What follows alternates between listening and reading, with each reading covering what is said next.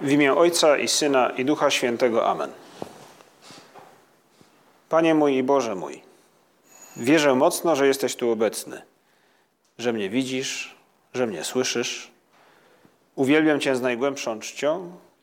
Proszę Cię o przebaczenie moich grzechów i o łaskę owocnego przeżycia tego czasu modlitwy. Matko moja niepokalana, święty Józefie, Ojcze i Panie mój, Aniele stróżu mój, wstawcie się za mną.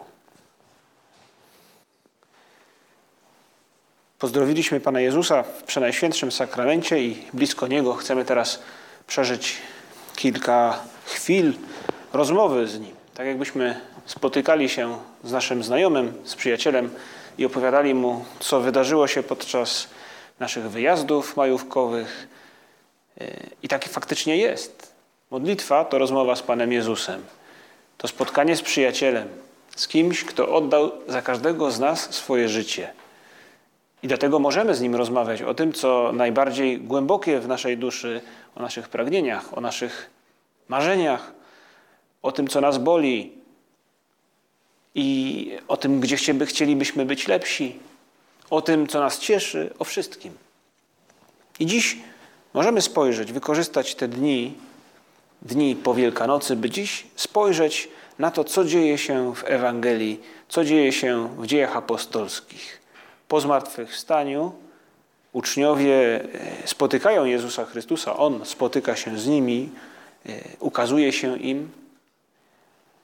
I po wniebowstąpieniu i zesłaniu Ducha Świętego widzimy, jak dzieje apostolskie opisują nam historię Kościoła, który jakby ruszył z wielką energią, by głosić prawdę o Chrystusie.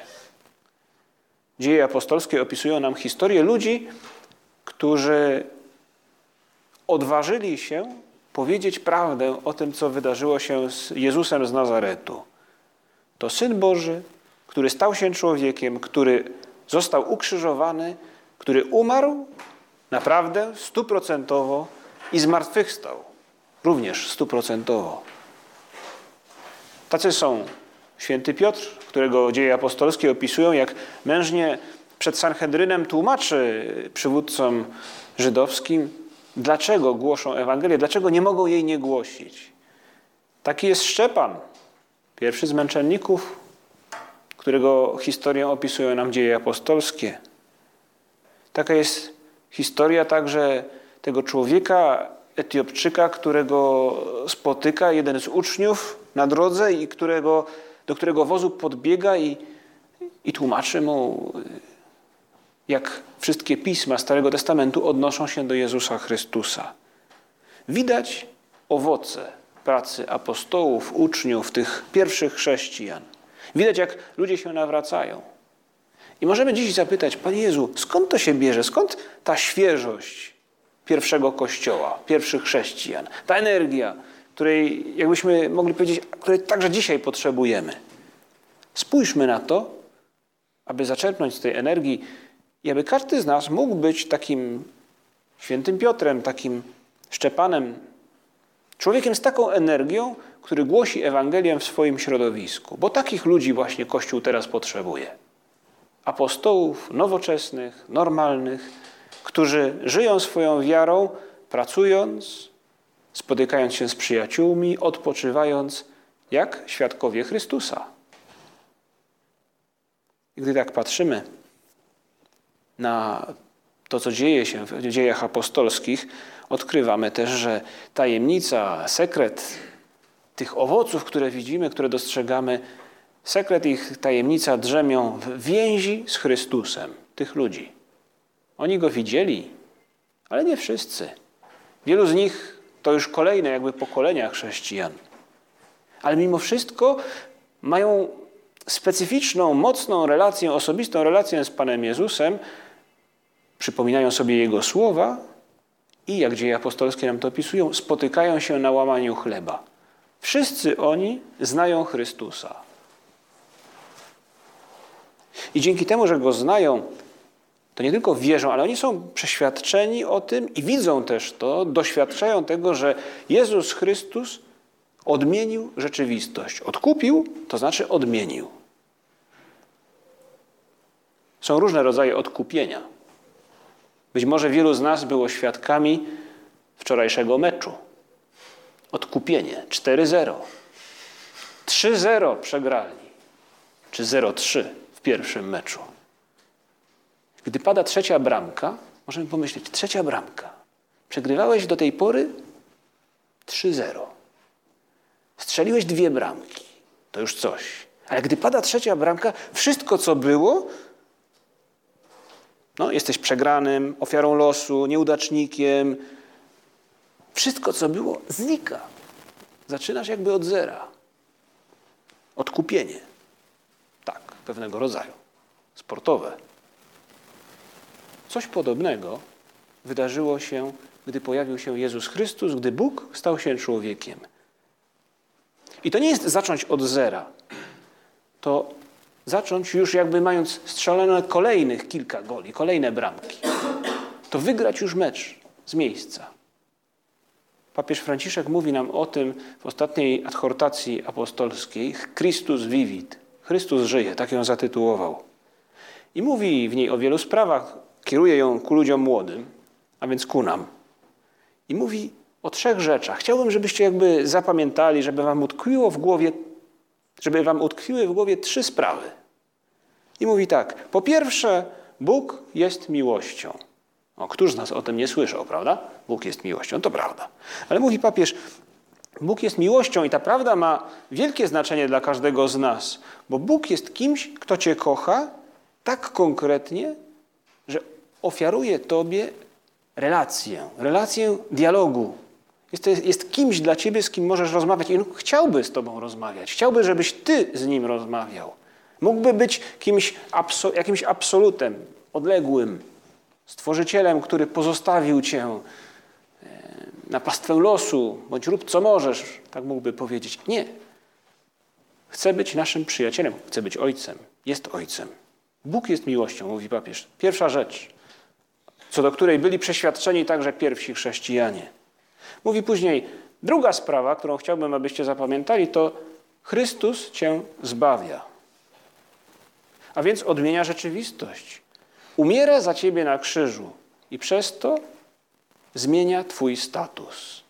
Ty, jak ważny musisz być dla Boga, jak ważną postacią musisz być dla Boga, skoro Bóg staje się człowiekiem i oddaje za ciebie swoje życie.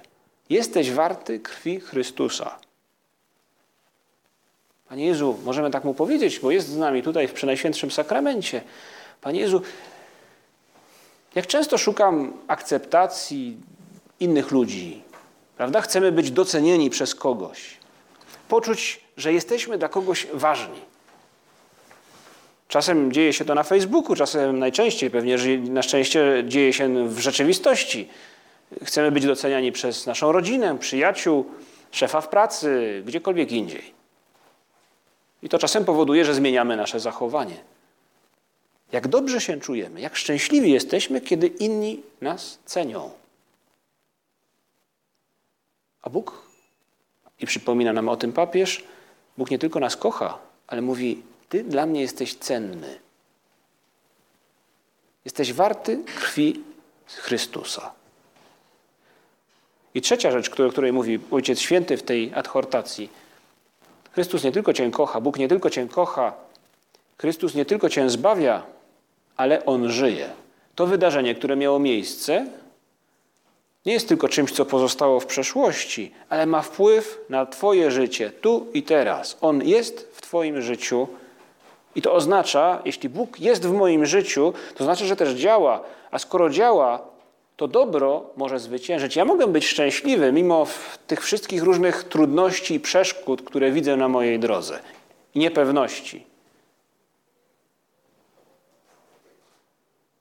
To jest zbawienie. To o tym mówi papież. Mówi, Chrystus żyje, a więc odkupienie nastąpiło, miało miejsce. I za to możemy być Bogu wdzięczni i możemy to rozważać. Nie da się jakby tego wyłożyć, przedstawić w kilku słowach. Zależy to trochę od naszej osobistej rozmowy z Panem Jezusem, może powracaniu do tych wydarzeń w Ewangelii, które zapadły nam w pamięć, do tych trzech praw, które papież Franciszek nam przypomina. Ale zbawienie dotyczy mojego życia. Możemy pomyśleć o różnego rodzaju zbawienia, zbawieniu, żeby uzmysłowić sobie też, że zbawienie, którego dokonuje Jezus Chrystus, ma, dużo, ma pewien wymiar, który nas no, zaskakuje i przekracza. Bo gdy ktoś pomyśli o zbawieniu, może właśnie wrócić do tych chwil Ligi Mistrzów, gdy, gdy zespół, który wydawałoby się już jest skazany na zagładę, na przegraną, odzyskuje nadzieję. To jest pewnego rodzaju zbawienie. Być może niektórzy z tu obecnych jako zbawienie, odkupienie, czyli odmianę rzeczywistości, uznaliby za odmianę rzeczywistości, od, uznaliby, że mechanika płynów zamiast trwać jeden semestr bądź trzy semestry, jest czymś, co kończy się w dwa tygodnie. Albo e, za odkupienie i zbawienie przyjęlibyśmy kupon na zaliczenie jednego przedmiotu, tego konkretnego, który każdy z tu obecnych ma gdzieś albo na pierwszym planie, albo go schował gdzieś głęboko, żeby go nie dostrzegać, prawda? Bo go męczy i budzi w środku nocy. Się człowiek budzi z przerażeniem i z krzykiem. Gdybyśmy byli w gimnazjum, taką, może przypominamy sobie nasze gimbazjalne czasy, za takie odkupienie uznalibyśmy może kupon właśnie na kebab za darmo, prawda? Przez cały, przez cały tydzień. Ale nie o to chodzi w zbawieniu. I taka, takie poczucie, zrozumienie zbawienia, które ograniczałoby się tylko do, do jakichś ludzkich rozwiązań, dostrzegamy w Ewangelii, którą liturgia przedstawia nam w tych dniach. To jest Jezus Chrystus, który odsłania przed nami, przed e, swoimi słuchaczami, uczniami swoimi, po co tutaj się pojawił, po co, po co stał się człowiekiem, odsłania stopniowo przed nimi tajemnicę i uczniowie, przynajmniej niektórzy z nich, uczniowie, faryzeusze, jakby mówią mu, ale zaraz, zaraz, nam chodzi o inne zbawienie, takie bardziej ludzkie właśnie. Ciekawe, że liturgia przedstawia nam tę scenę, która miała miejsce przed męką Pana Jezusa, właśnie po to, by pokazać nam, jakie jest źródło tych wspaniałych dzieł, które dokonują się po zmartwychwstaniu, po zesłaniu Ducha Świętego. Jakby taki flashback, jak w filmie, który tłumaczy nam to, co teraz się dzieje. Skąd te owoce działania Szczepana, Piotra, innych uczniów? Skąd te możliwe owoce w naszej historii, teraz, tutaj na Ziemi? Jak to odkupienie, zbawienie może dotknąć mnie w XXI wieku? I nie chodzi o to odkupienie tak właśnie po ludzku zrozumiane, rozwiązanie jakiejś super sytuacji trudnej, niemożliwej po ludzku, tylko tak o, załatwić pracę czy zdać egzamin. Jezus Chrystus w tych scenach, które opisuje nam Ewangelia, to słynna mowa eucharystyczna Chrystusa, która ma miejsce w Kafarnaum. Kilka chwil, momentów, godzin po tym, jak Jezus Chrystus e, rozmnożył chleb. Później uczniowie widzą go chodzącego na jeziorze, po jeziorze. I kolejnych, w kolejnych scenach Ewangelia opisuje nam ludzi, którzy poszukują Chrystusa i odnajdują go w Kafarnaum i odwołują się do tej sceny, którą widzieli jeszcze tak niedawno, gdy Jezus Chrystus rozmnożył chleb, szukają go. Jezus Chrystus im jakby wypomina, mówi, wypomina tę rzecz. Mówi, a szukacie mnie nie, dlatego, kim jestem, tylko dlatego, że jedliście chleb. Jakby szukają takiego zbawienia po ludzku. Taki trochę populizm, byśmy może powiedzieli. Chcemy mieć to, kto nam to daje, idziemy tam. I Jezus Chrystus wypomina im to i mówi stopniowo, jakby odsłania im, że zbawienie, które przyniósł światu, nie jest rozwiązaniem ich problemów takich prozaicznych, codziennych, żeby nie padało, albo żeby padało, żeby był chleb, albo żeby go nie było. I zaczyna mówić im, odsłania tajemnicę chleba życia, którym jest On sam.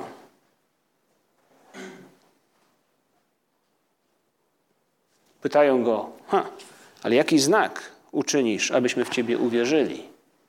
I przypominają historię, którą pewnie znamy z historii narodu wybranego, gdy na pustyni Izraelici zaczynają narzekać, i mówią do Mojżesza, po co ty w ogóle nas wyprowadziłeś z tego Egiptu? Tam mieliśmy mięsa pod dostatkiem, tutaj na pustyni giniemy z głodu. I wówczas dokonuje się to, ta historia z manną, gdy wychodzą Izraelici przed swoje namioty, widzą kolejnego dnia, Mojżesz to zapowiada, e, kolejnego dnia wychodzą przed swoje namioty i widzą rosę, która gdy się unosi, gdy warstwa rosy uniosła się ku górze, wówczas na pustyni leżało coś drobnego, ziarnistego, niby szron na ziemi. Na widok tego Izraelici pytali się wzajemnie, co to jest, gdyż nie wiedzieli, co to było. Wtedy powiedział do nich Mojżesz, to jest chleb, który daje wam Pan na pokarm. Manna. I e, Żydzi mówią do Chrystusa, słuchaj, jakiego znaku dokonasz? Bo e, naszym przodkom Bóg dał pewien znak. Mówi on tak, ojcowie nasi jedli mannę na pustyni, jak napisano, dał im do jedzenia chleb z nieba.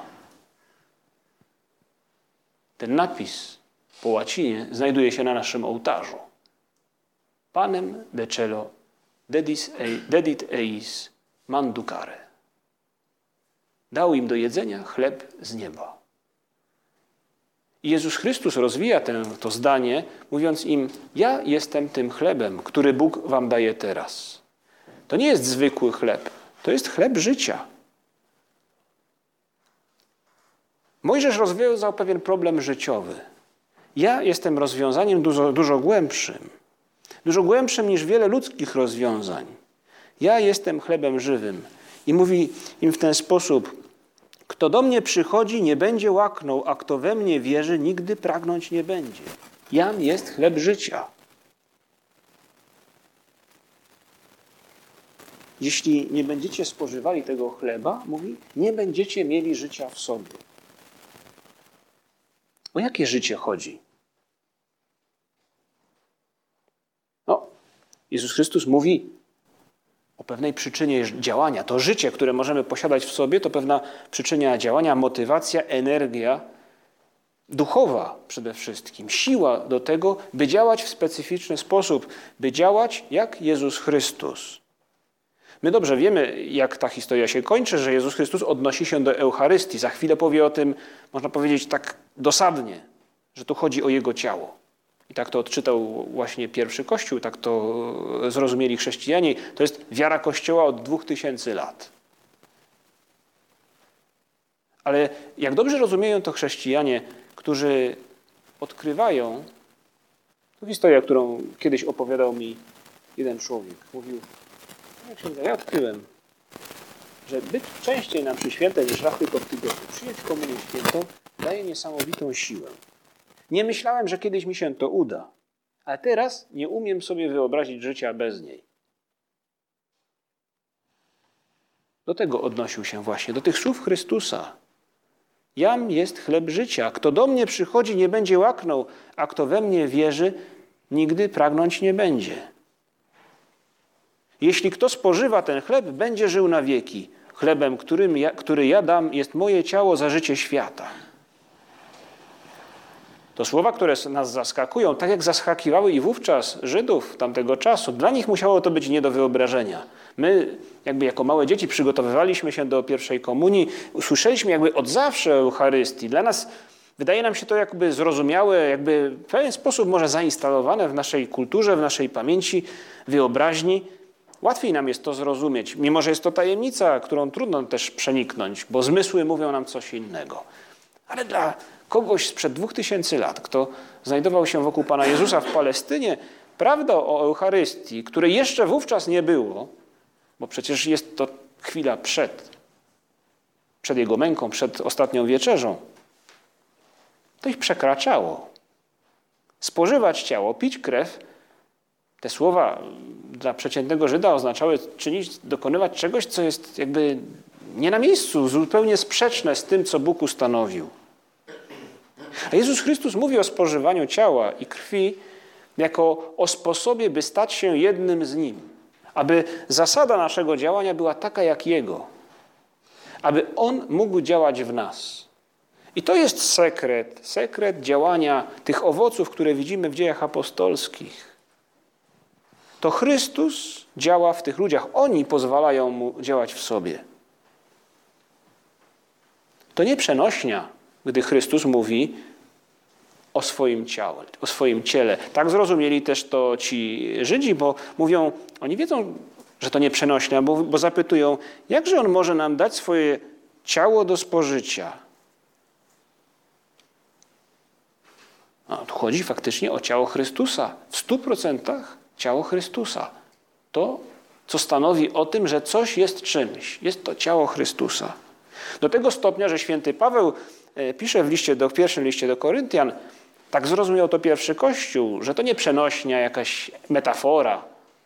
Mówi tak, no, ten, kto spożywa chleb lub pije kielich pański niegodnie, winny będzie ciała i krwi pańskiej. W pewnym sensie winien będzie śmierci Chrystusa. Tak realistycznie zrozumiał to pierwszy Kościół, chrześcijanie. Eucharystia jest właśnie tym obecnością Chrystusa, który przychodzi do mnie i daje mi siłę, bym działał jak On, z Jego siłą, energią, siłą duchową, której ja sam nie posiadam. Dlatego mówi, jeśli nie będziecie spożywali, nie będziecie mieli życia w sobie. Dlatego mówi, nigdy łaknąć ani pragnąć nie będziesz, bo znajdziesz przyczynę działania, źródło energii, źródło siły do działania z miłości, jak Bóg, jak Chrystus, zamiast działać z innych powodów.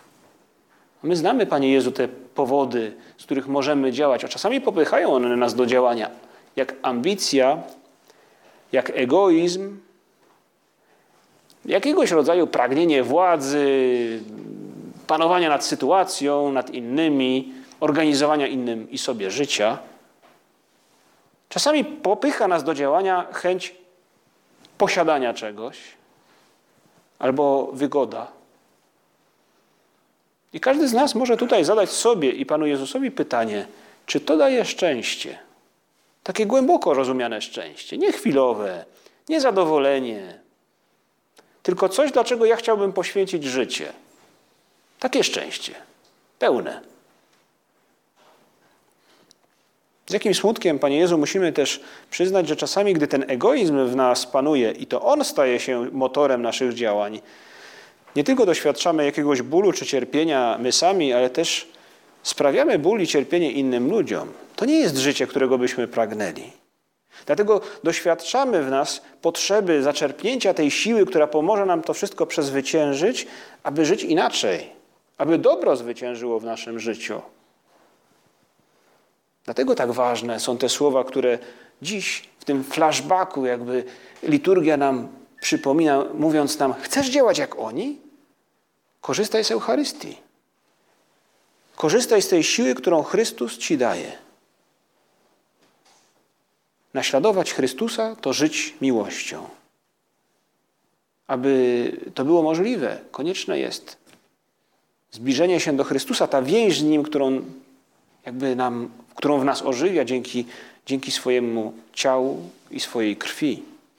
Jakby nam Chrystus mówił w, tym, w tej wielkiej mowie eucharystycznej, w szóstym rozdziale świętego Jana, ja właśnie teraz mówię o rozwiązaniu Twoich problemów.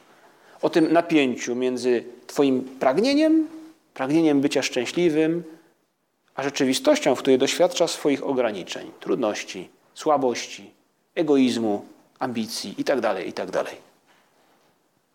Kto spożywa chleb, może żyć miłością Chrystusa.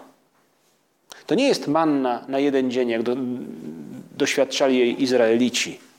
To siła, by nasze działania były działaniami dzieci Bożych, by potrafić przezwyciężyć się w, w lenistwie, by służyć innym, by nie zapychać naszych zmysłów, serca, wzroku, wyobraźni, byle czym, co napotykamy na ulicy, w internecie, w spotkaniach z innymi ludźmi czasami. To siła, by nieść dobro innym, by być kreatywnym, zamiast jakiegoś przyczajonego człowieka w kąciku, który nie potrafi zdobyć się na hojny gest wobec innych i w związku z tym jest sam i się kisi we własnym świadku.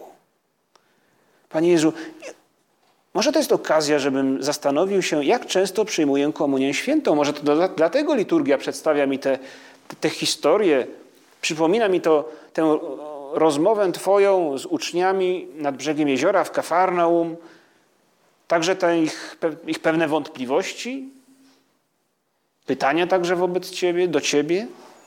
Może to dlatego mi je podsuwa jakby pod nos, bym zapytał siebie, czy mógłbym częściej przystępować do Komunii Świętej?